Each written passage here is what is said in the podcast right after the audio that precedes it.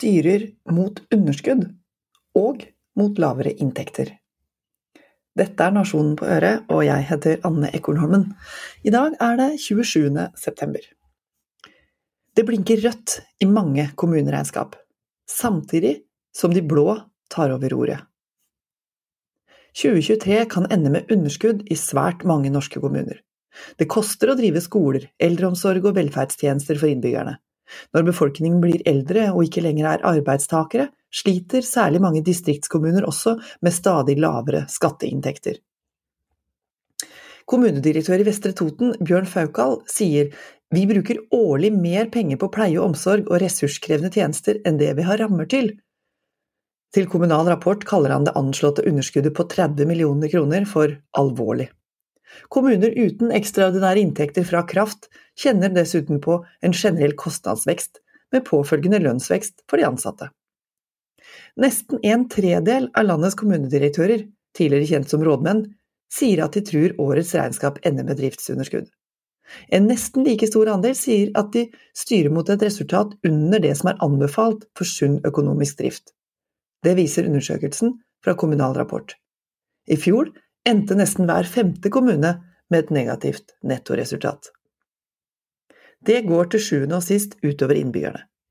Vi kommer til å oppleve at harde prioriteringer på kommunalt nivå går utover tjenestetilbudet. Skoler blir lagt ned, bygging av omsorgsboliger blir utsatt, veivedlikeholdet uteblir.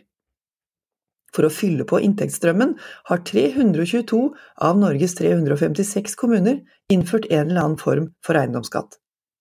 Den ordningen er årets valgvinner Høyre prinsipielt imot.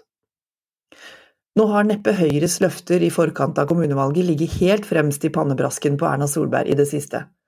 For mens valgkampen delvis blei overskygga av Støre-regjeringas habilitetsrot, har Solbergs mangel på oversikt og innsikt i ektemannens eh, finansielle akrobatikk og hektiske aksjehandel fullstendig overdøva den politiske samtalen etter valgresultatet. Den bør allikevel handle om nettopp dette. Samtidig som én av tre kommunedirektører varsler underskudd, har Høyre i mange kommuner gått til valg på å fjerne eller redusere eiendomsskatten. Erna Solberg lovte at Høyre-styrte kommuner skal holde gebyrer, avgifter og skatter nede. Eiendomsskatten blir endog kasta bort på så mye tull, ifølge Høyres nye ordfører i Oslo, Anne Lindboe, i Dagens Næringsliv. De møter motbør i eget parti.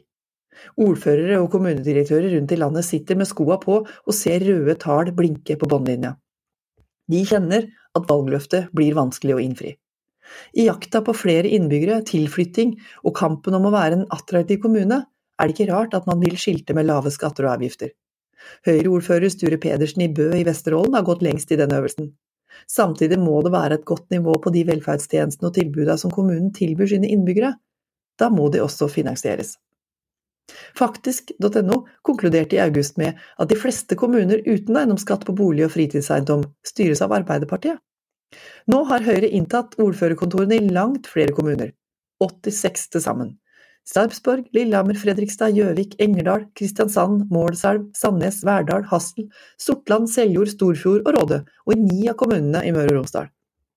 Den fulle oversikten er ikke helt klar, men alt tyder på at Høyre kan være godt fornøyd med samla uttelling etter oppslutning og hestehandling, når partiets mål i forkant var å doble ordførerantallet fra 35 til 70. Men så kommer hverdagen. Hva gjør de i praksis når landets vann- og avløpsanlegg har et samla investeringsbehov på 332 milliarder kroner fram mot 2040? Det er ifølge Norsk Vann. Gamle rør, utslitte ledningsnett og underdimensjonerte kummer er et stort beredskapsproblem.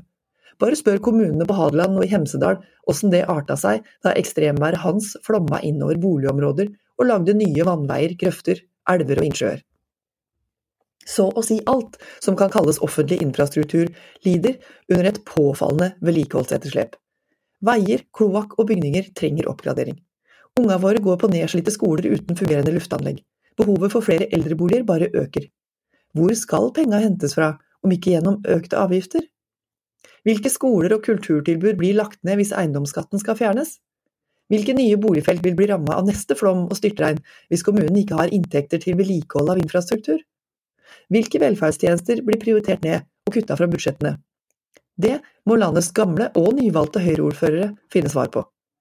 For som komiker Knut Nærum skriver på Facebook, Jeg betaler gjerne mindre skatt, men da skal jeg vite hva den ikke går til. Jeg heter Anne Ekornholmen, og dette her var dagens Nasjonen på øret.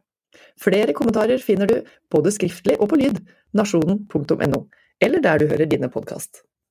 Ha en god dag!